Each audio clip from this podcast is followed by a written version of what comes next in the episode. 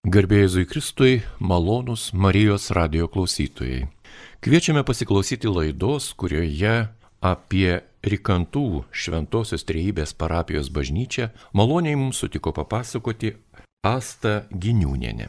Ją kalbina Liutauras Serapinas ir aš sveikinuosi su gerbiama Asta Garbėjai Kristui. Per amžius amen. Labai malonu, kad atvykote į Marijos radiją ir mes galėsime išgirsti pasakojimą apie nuostabę bažnytėlę, kurią daugelis Lietuvos keliautojų, keliaujančių iš Vilniaus į Kauną traukiniais, yra matę daugybę kartų. Net ir sovietinių laikotarpių, okupacijos ir ateizacijos metu ši bažnytėlė nuostabiai liūdijo važiuojantiems pro šalį traukiniais Lietuvos Lietuvos ir visos Sovietų imperijos gyventojams, kad Dievas yra šalia arti žmogaus. Taigi Rikantų švenčiausios trejybės parapija, jos bažnytėlė. Įžangai papasakokite apie tai.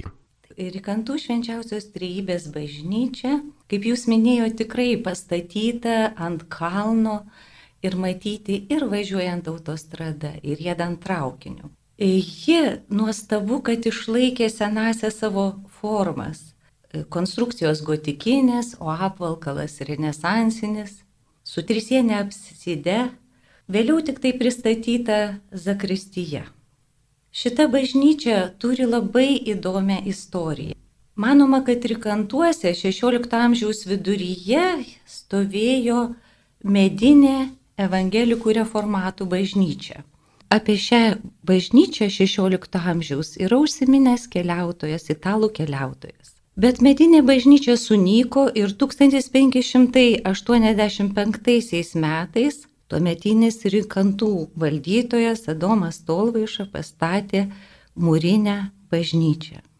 Tai buvo evangelikų reformatų bažnyčia. Adomas Tolvaišas neturėjo palikuonių ir žemės atiteko Oginskiams. Oginskis pagrindinis valdytojas ir žymus vadovas, tai yra Marcijonas Aleksandras Oginskis, šią bažnyčią po 1655 metų abiejų tautų Respublikos karos su Rusija apgriautą bažnyčią pradėjo atstatyti.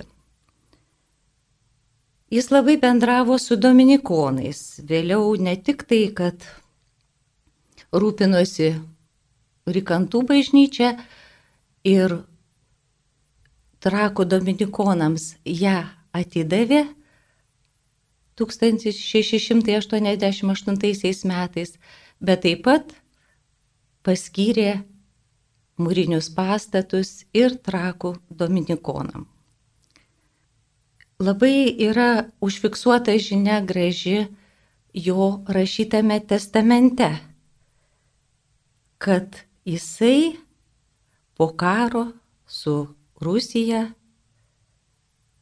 restauravo bažnyčią ir ją pavedė dominikonam. Taigi didžiausias nuopelnas ir priklauso šiam valstybės tarnautojui, žymiam karvečiui, Marcijonui Aleksandrui Oginskiui. Apie tai rašoma literatūroje ir istoriografijoje visur fiksuojama. Tačiau rengiant buvo pavesta man renkti bažnyčios dokumentus ir sklaidydama literatūrą ir archyvinius šaltinius susidūriau su daug klaustukų. Kadangi šita bažnyčia būtent Oginskio rūpeščių ištapyta ir papuošta, skirtingai datuojama. Būtent jos apipavydalinimas skirtingai datuojamas. Vienuose dokumentuose rašoma, kad bažnyčia buvo ištapyta 1668, literatūroje randam kitą datą, kuri tapatintina su dovanojimu bažnyčios dominikonams 1688 metais. Nuo to prasidėjo toksai mano tyrimas, kuris, kuris labai daug išaiškino įdomių dalykų ir detalių. Kaip klostėsi toliau po Oginskio mirties šitos bažnytėlės, kuri priklausė jau dominikonam, likimas. Reformatų istorikas XIX amžiaus savo knygoje apie reformatų, Lietuvos reformatų bažnyčias labai pacitavo labai įdomų dokumentą 1715 m. rankraštį, kuriame rašoma, kad mišios Dominikonų aukojamos dvare, o Rikantų bažnyčia stovi apleista. Dominikonai negalėjo laikyti pamaldų dėl, dėl to, kad joje dėjosi keisti dalykai. Esą kiekvienas kunigas, kuris laikydavo buvusioje kalvinistų bažnyčioje mišes, greitai mirdavo. Kiek čia yra legendos, kiek čia yra žmonių pasakojimų, tačiau tai liūdija apie konfesinį konfliktą tarp katalikų ir reformatų. Ir dar labai įdomi detalė, tiesa, nepaminėjau, kad šioje bažnyčioje jau mini tas pats Lukoševičius, kad 1713 metais stovėjo tik tai paprastų lentų, mėlyna spalva dažytas, popiežiškiesiems neįprastas altorius, virš kurio vietoj krucifikso ar ko nors panašaus buvo nutapytas dvigalvis erelis. Ir tame altoriuje stovėjo savosiom šventenybėms skirta spintelė, tai galima suprasti kaip tabernakulis, taip pat tuščia ir adara. Taigi bažnyčioje apėgos nevyko. Bet dominikonai turbūt tai ir buvo priežastis, kad 1713 metais buvo pastatyta Rikantuose kita medinė bažnyčia. Tada ir yra labai toksai tarpas, tai yra 18 amžius, kada mes nerandame jokių šaltinių, nes jie, kaip rašoma, archyvose pragaišo per karus, Nežinome, kas buvo daroma XVIII amžiuje šitoje gražioje mūrinėje bažnyčioje. Nes visos pamaldos, kaip jau minėjau, vyko medinėje bažnyčioje. Bet toji medinė bažnyčia, kaip rašoma 1784 metų dokumente, sunyko, apgriuvo ir turbūt tai buvo priežastis, kodėl pamaldos buvo vėl perkeltos į Rikantų bažnyčia. Ir tuo metu Rikantų bažnyčia buvo atnaujinta, perdažyta. Dabar sugrįšiu, kas buvo padaryta ir kaip buvo ištapytas, e, čia tiesiog sustoju ties XIX amžiaus, XVIII amžiaus pabaiga, XIX amžiaus pradžia ir sugrįžtu į XVII amžiaus pabaigą, kokia buvo tuo metu bažnyčia kaip, jinai, kaip atrodė jos vidus. Viduje buvo nutapyti presbiterinėje dalyje fundatorių Oginskių portretai. Tai yra Marcibelės Oginskienės ir Marcijono Oginskio portretai. Pilnafigūriniai, didžiuliai. Taip pat sienos buvo išpuoštos ir lubos kliautos ornamentiniu dekoru. Ant sienų, navo sienų, buvo nutapytas kryžiaus kelio ciklas. Vargonų choras, jo parapetas, nežinoma tiksliai kada, bet buvo ištapytas dominikonų vienuolių atvaizdais.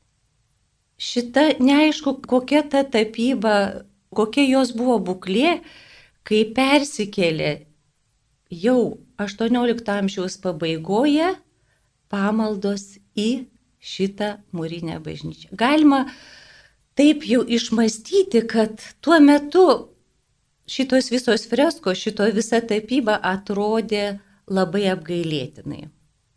Ir matyt, besirošiant, puošiant bažnyčią, buvo bažnyčio baltai nubalinta.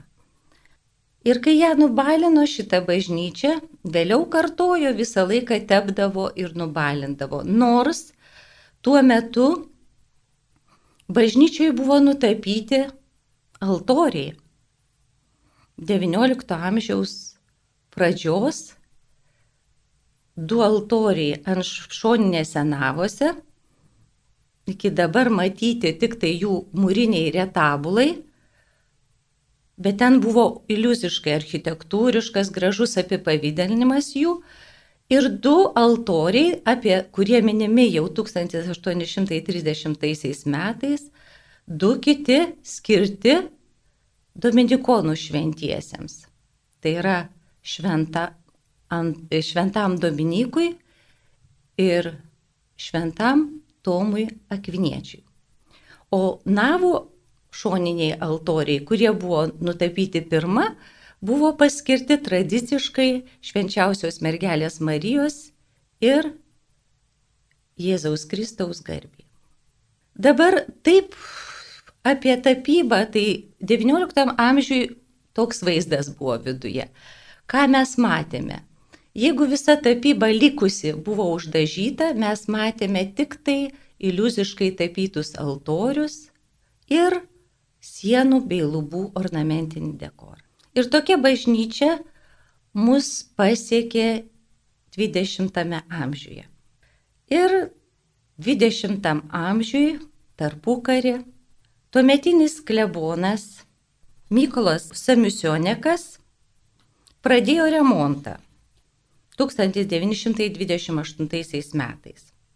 Jie valė sienas ir atrado, buvo jų netgi tokį sukūręs buvo komitetą, remonto darbams ir pamatė, bevalydami sienas, beplaudami tą kalkių sluoksnį, kad tai ir kad atidengia tapybą.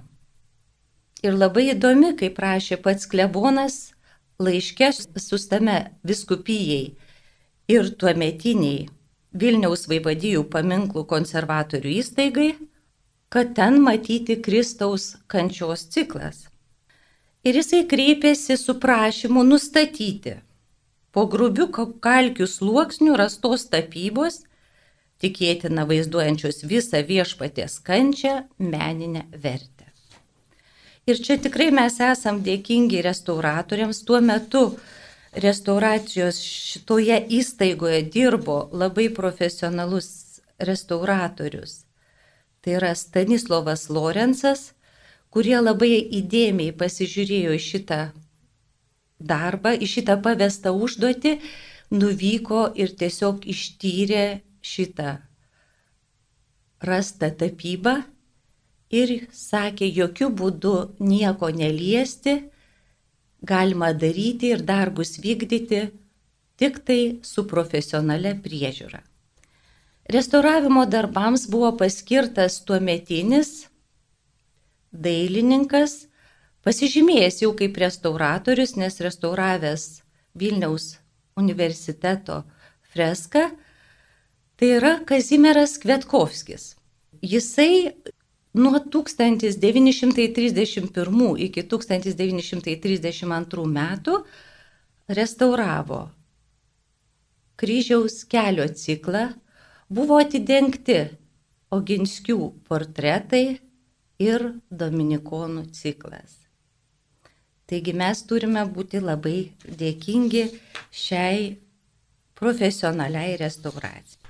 Malonus Marijos radio klausytojai, jūs girdite laidą, kurioje apie Rikantų švenčiausiosios trybės parapijos bažnyčią šiandien jums pasakoja Asta Giniūnenė. Taigi, mėla Asta, teskite, prašom, pasakojimą apie šį nuostabų architektūrinį paveldo ir mūsų istorijos puslapį. Taip, tai po 1931-2 metų restauracijos, kurią atliko Kazimieras Kvietkovskis, tapyba Rikantų bažnyčios interjero tokia ir išliko. Ir mažai nukentėjo per antrą pasaulinį karą. Sovietmečių jau prižiūrima, įrašyta į saugomas vertybės, įsaug, kaip paminklas. Šita sieninė tapyba buvo nuolat prižiūrima ir fiksuojama jos būklė, kad jie apnykusi, kad reikia restauruoti, bet nieko nebuvo daroma. Tik tai 1975 metais restauruota fasado sienų tapyba. Beje, labai įspūdinga, kadangi ten nutapyta, nutapyta šventas Jurgis, nes Rikantų bažnyčia XIX amžiaus pradžioje turėjusi švento Jurgio titulą. Šituos darbus e, greitai Prieš tai atlikęs cheminius ir polichrominius tyrimus, rūpjūčio sausio mėnesiais restauravo profesionalus restauratorius Juozas Pilipavičius. Ir jisai išaiškino, kad tai ne freska, bet alseko technika nutapyta, tai yra ant sauso tinko nutapytas paveikslas. Nežinoma, kokie polichrominiai sluoksniai dengia visą bažnyčios išorę. Čia busimieji polichrominiai tyrimai galbūt tai atskleis. Dabar labai įdomi tokia, sakytume, sunkiau duomenų rasti apie netolimus prieš kelis dešimtmečius vykdytus darbus negu apie praeitų amžių darbus. Ir čia taip pat šit, kaip tik tai garbaus restauratoriaus Juozo Pilipavičiaus dėka buvo sužinota, kad vidaus tapyba taip pat buvo restauruota, atgavus Lietuvos nepriklausomybę. 1991 metais ir iniciatorius buvo nevaldiška įstaiga, nes tuo metu tvarkomi buvo reorganizuojamos visos įstaigos, o kunigo klebono Petro Daunoro iniciatyva ir finansais. Apie tai galėtų papasakoti tikrai restauratorius, nes vyko tikrai klebonas atidavė vis, visą savo lėšas ir netgi pats neturėjęs, kaip pasakojo Pilipavičius, kuo parvažiuoti, netgi bilietėlį, traukinio negalėjęs nusipirkti, nes visą tai paukojo būtent šitos tapybos restauravimui. O presbiterijos freskas restauravo dailininkas restauratorius Kestutis Anziulis. Vargonų chorui Dominikonų ciklui nepakako lėšų ir todėl šitas ciklas ir dabar atrodo labiau nukentėjęs ir išlikęs fragmentiškai. Bet e, kadangi pristigo turbūt klebonas lėšų, buvo uždažyti ir iliuziškai tapyti altoriai. Ir sienų dekoras uždažytas viena spalva. Bet kaip sako, kad geriau, kai uždažo, negu skuta valo ar nemoksiškai taiso. Ir manau, kad per dabartinę vat rengiamą restauraciją bus galima atidengti šitą tapybą. Ir dar vienas labai įdomus atradimas, kuris prieš keletą metų vyko, tai kai mes atvažiavom ir kantų bažnyčią ir visus, visas vertybės surašinėjom, vienuolė labai gražiai tenai buvusi sako, dar yra vienas paveikslas, dar yra viena freska. Ir jinai, sako, aš rangdama Betliejų prie Jėzaus Kristaus altoriaus, atidengus nuėmus švenčiausios Jėzaus širdies paveikslą, sako, matau Jėzaus atvaizdą, ar jums bus įdomu.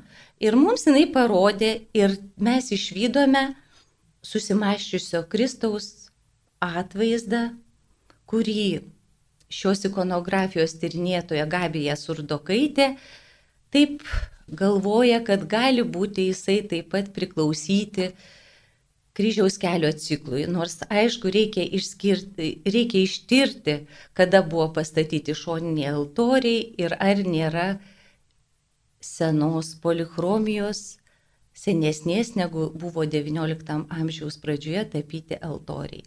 Tai aišku, dar, dar tai pasitikslins toji data, bet šis paveikslas, šis siužetas labai nustebino. Tai taip, kad trikantų bažnyčia dar turbūt stebins. Tai malonu buvo išgirsti apie pačią bažnyčią, jos istoriją ir tą raidą, kuri vienai par kitaip tą bažnytėlę veikė, bet nesunaikino. Raida tai žinoma sunki mūsų Lietuvos krašto yra ypatingai, na, sunkios gyvenimo sąlygos, nes čia nuolat siaučia visokie karai, perėjūnai, įvairios siaubimo, visokio išvežimo ar kokio kultūrinio naikinimo bangos, jos tiesiog periodiškai vis kyla ir kyla. Ir ką galime žinoti, galbūt ir ateityje dar bus. Bet rykantuose Rikantų dvare, nuo seno žinomame, nuo 16 amžiaus, stovi iki šių dienų pastatyta mūrinė švenčiausios trejybės bažnyčią ir apie šią bažnyčią maloniai mums šiandien pasakoja Asta Giniūnenė. Taigi tęsiant pokalbį, gerbima Asta, gal jūs galėtumėte radio formatu šiek tiek klausytojams pavaizduoti, apsakyti, kokios tos Rikantų bažnyčioje esančios unikalios kryžiaus kelio stotis yra išlikusios, būtent sieninės tapybos, kaip jos atrodė, gal vieną kitą na, elementą papasakotumėte, kas yra jų autoriai, ar žinomi, ar nežinomi ir taip toliau. Taigi įdėmiai klausome jūsų. Taip, apie šitą Kristaus kančios ciklą buvo rašyta Ir šitas ciklas tiesiog tapo chrestomatinis, minimas Lietuvos dailės istorijose, tačiau atidžiau kaip ir nenagrinėtas. Dar prisimenu, kai aš tik tai pradėjau rašyti apie 14 stočių kryžiaus kelią, po vienos konferencijos priejo dailėtininkas, istorikas Mindaugas Paknys ir pasakė, va, rikantuose yra toks ciklas, sako, toks įdomus, bet dar niekas netyrinėja. Ir dabar, va, praėjus daugiau nei keliom dešimtį metų, tai sugrįžau prie šito ciklo, tiksliau mane atvedė prie šito ciklo. Dabar, kodėl šitas ciklas ypatingas? Visų pirma, šis ciklas turbūt yra tuo ypatingas, kad pirmiausia, kada jisai nutapytas. Kaip jau paskelbė ir Stanislavas Lorenzas savo vadovę aplink Vilnių, išleistame 1936 metais, jis įvardijo autorių, tai yra Joną Janavičių, tai yra Joną iš Janovos, kuris paliko savo parašą įreštą tinkę vienoje iš stočių. Jis ir dabar matomas, aišku, reikia gerai įsižiūrėti, bet jis matomas labai įdomioj stoty, tai yra stotyje vaizduojančioj Simonas Kirienietis padeda nešti kryžių Jėzui Kristui. Ir ten yra ne tik tai jo parašas, bet ir data 1668 metai. Tai būtų nutapimo laikas ir autorius, apie kurį mes nelabai žinome, galime tik tai sakyti, labai gražiai yra rašę pagal jo darbus galime maždaug numanyti, kas turėjo įtakos, kad tai galime išvelgti kad tai buvo labai profesionalus tapytojas, kuris patyrė ir italų dailės įtaką, ir kuri gal, gal reiškėsi LDK per Lenkijos mokyklą, žymius italų atvykusius dailininkus. Taigi, apie autorių tiek ir datą. Dabar pats ciklas. Šitas ciklas kodėl yra unikalus Lietuvoje? Visų pirma, jo ankstyva data. Tai yra 17 amžiaus 70-metis. Kitus mes žinome ciklus, kurie išlikę, tai yra Kauno Švento Jurgio bažnyčios, Tytuvėnų galerijos tapytas ciklas, netgi Kauno karmelitų bažnyčios 17 amžiaus pabaigos ciklai yra vėlesni. Šis ciklas dar stebina savo tapybos profesionalumu ir ikonografija. Jis sudaro 15 stočių, taigi ištisinėmis juostomis apjuosėmis, ap, kurios apjuosia de, dešinę ir kairę sieną, tai yra bažnyčios navų dalį, dalį ir paskutinė stotis būtų penkioliktoji, tai yra ant presbiterijos sienos.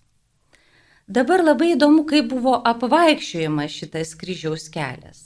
Šitas kryžiaus kelias netoks tradicinis, kaip mes dabar matome bažnyčiose 14 stočių arba netgi minėtose nereglamentuoto kryžiaus kelio cikluose, tas bažnyčias aš jau suminėjau. Jis pradedama, pradedamas ciklas įėjus į bažnyčią, pirmoji stotis po vargonų choro kairėje pusėje žvelgiant į altorių. Pirmoji stotis - paskutinė vakarienė. Toliau seka vadinamosios kaptivitatis stotis, tai yra su, suėmimo stotis, tai yra Kristus nuplauna kojas, malda lyvų darželyje, po to Jėzaus suėmimas, teismas. Perėjus visas iš eilės juostoje išdėstytas stotis, reikia sugrįžti vėl prie vargonų choro ir tęsiasi kryžiaus kelias dešinėje sienoje. Tai yra pirma stotis Jėzus pas pilotą. Po to vainikavimas ir kryžiaus nešimo stotis. Labai įdomu, kad kryžiaus nešimo stotis yra trys, vaizduojami, vaizduojamas yra Jėzus neša kryžių arba Jėzus paima kryžių, po to Simonas Kirenietis neša kryžių ir paskutinė stotis Jėzus, Jėzui nušluosto veidą Veronika. Toliau peršokam į presbiteriją, 15 stotis Jėzaus nuėmimas nuo kryžiaus. Ir va šitas šuolis kelia labai daug klaustukų, kadangi negali būti, kad buvo praleista kulminacinė nukryžiavimo stotis, jau nekalbant apie prikalimo prie kryžiaus. Nes visas ciklas labai, ką noriu pažymėti, yra nutapytas remiantis evangelinės siužetais. Būtent labai įdomu, kad kiekvienoje sto, skirtingose stotyse galima išskaityti, taigi tokios yra tarsi šventojo rašto iliustracijos, meninės iliustracijos kad labai ar tai dominikonai šitą ikonografinę programą padiktavo, nes, kaip jau minėjau, net ir vakarų Europoje yra panašių ciklų, bet va tokio eiliškumo, tokio tiksliai eiliškumo, kad būtų paėmęs vieną ciklą ir nukopijavęs, Jonas Janovičius man neteko kol kas aptikti. Taigi dar yra mislė. Aišku, jeigu mes įpinsime altoriaus susimaščiusio Kristaus atvaizdą, jo vieta kaip ir tiktų, kadangi būtent šis stotis Europiniuose kryžiaus kelio stotise būdavo komponuojama ir tarsi atstodavo Kristaus tokį pamastymą prieš nukryžiavimą. Taigi, labai įdomus yra išdėstymas. Dabar ir pačios stotis ir jų ikonografija yra tikrai stebėtinai įdomi Nes, pavyzdžiui, kaip jūs minėjot, kad išskirti ar ne keletą stočių, tai būtent paskutinės vakarienės, pirmoji stotis, kurią matome. Kadangi tai nutapyta 17 amžiaus viduryje, jau tuo metu lab, dažniausiai paskutinės vakarienės momente, vaizduojamuose paskutinės vakarienės scenose, dažniausiai vaizduojamas Kristaus, Kristus iškėlęs jėlikai. Tai ir, ir yra, reiškia, švenčiausio sakramento akcentuojamas įsteigimo momentas. O šioje stotyje yra dar viduramžių, iš viduramžių dailės labai gražus epizodas, kai Jėzus tarsi ištarė žodžius apaštalams, vienas iš jūsų mane išduos. Ir tas vat nerimas ir pavaizduotas apaštalų tarpe, o prie Kristaus priglūdęs Šventas Jonas, mylimiausias mokinys. Va tas ryšys Jėzaus su mokiniu yra tikrai paplitęs viduramžiais mėgstamas vaizduoti, bet vėliau menamam laikotarpį dažniau, kaip jau minėjau, pasirinktas Euharistijos įsteigimo momentas. Dabar Antroji stotis. Retai vaizduojama kryžiaus kelyje, tai yra Jėzus plauna mokiniams kojas. Ir, ir yra, aišku, šitiems e, tapiniams buvo provaizdžiais ir jis naudojosi. Tikrai Niderlandų labai buvo paplyti e, tokie albumai lakštų, e, kuriuose vaizduojamos Jėzaus gyvenimo scenos. Taigi tikrai turėjo įtaką, kai kurios stotis tai yra replikos grafiniai provaizdžiai italų tapytojų. Jisai naudojosi, bet jisai tarsi sukūrė tokį ir savąjį variantą šito kryžiaus kelio. Jam buvo gerai tikrai žinoma europinė dailė. Bet aš vėl sugrįžtu prie antrosios stoties. Tai yra Jėzus plauna Petrui koją, o jisai išgastingai, pasak Evangelijos, jisai pasipiktinęs tarsi, kad šito nedarys Jėzus jam. Bet dar kas įdomu, kad labai retai sutinkama, kad šitoje stotyje įkomponuota yra ir Marijos atsisveikinimo su Jėzumi scena. Antram plane matyti Mariją ištiesusi ranką ir ją paskui ją einanti apaštalų eilė. Tai vad labai įdomus momentas, atsisveikinimas nėra paminėtas, jisai yra pseudobonaventūros raštuose minimas, bet šito momento šį nėra Evangelijoje.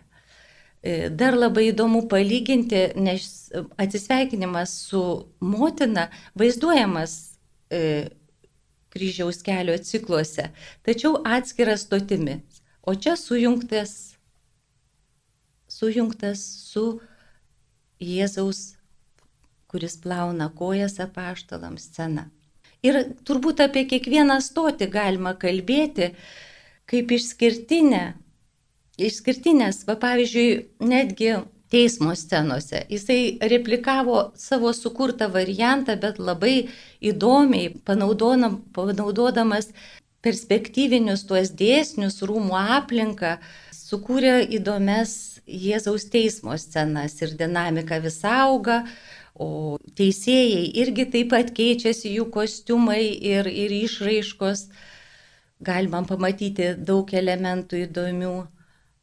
Turbūt toksai įdomesnė scena, labai sudėtingos kompozicijos esanti presbiterijoje, paskutinė kryžiaus kelio stotis. Ten vaizduojamas labai dramatiškas Jėzaus nuėmimo momentas. Tai pagal italų dailininko paveikslą ir jo grafinę reprodukciją nutapytas paveikslas. Taigi šis ciklas Turbūt pavaikščiojus galima būtų daugiau pasakyti, bet noriu tik tai apibendrinti, kad kiekviena stotis turi labai gilų prasminį, paremtą evangeliniais siužetais krūvį. Ir manau, kad ikonografinę programą šiam ciklui tikrai prie ikonografinės programos prisidėjo dominikonų vienuoliai, kurie būtent 17 amžiaus viduryje tiesiog buvo apaštalai Kristaus kančios kelio pamaldumo, prisiminkime įsteigtos kalvarijos, Vilniaus, Žemaičių kalvarija.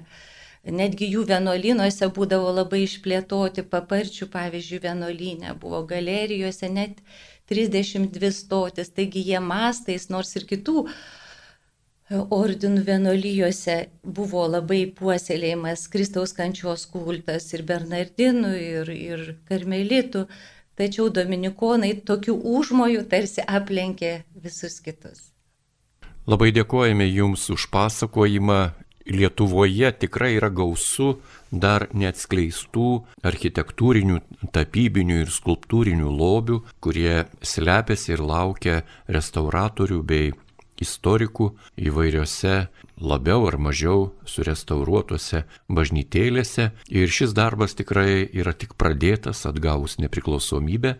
Žinoma, restauracijos darbai vyko nuolatos tiek Rusijos okupacijos metu, carinės e, Rusijos okupacijos metu, tiek vėlesniais laikotarpiais visada parapijų klebonai, viskupai stengiasi įvairiausiais būdais, kokius tuo metu suteikdavo galimybės išsaugoti bažnytinį paveldą, išsaugoti bažnyčias, katedras, koplyčias, net atskirus paminklus. Šiandien apie šį procesą palietusi Rikantuose esančią švenčiausios trejybės bažnyčią maloniai pasakojo Asta Giniūnenė. Dėkojame jai ir taip pat dėkojame jums radio klausytojai, kad šią valandėlę buvote su Marijos radiju. Likite ir toliau